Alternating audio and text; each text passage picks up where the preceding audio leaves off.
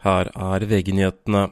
Kvinnen i 50-årene som er siktet for å ha etterlatt moren sin i hjelpeløs tilstand, nekter straffskyld, opplyser hennes forsvarer. Moren i 80-årene ble i går kveld funnet død i en leilighet i Trondheim. Politiet ser på dødsfallet som mistenkelig pga. funn i leiligheten. 31 000 ukrainske soldater er blitt drept så langt i krigen mot Russland, det sier president Volodymyr Zelenskyj. Det er to år siden Russland invaderte Ukraina. Zelenskyj legger til at også titusener av sivile har blitt drept i krigen. Og Zelenskyj sier også at han håper at det vil bli fredssamtaler i Sveits i vår, det skriver Reuters. Sveits skal etter planen være vertskap for et toppmøte hvor en fredsplan skal bli presentert for Russland.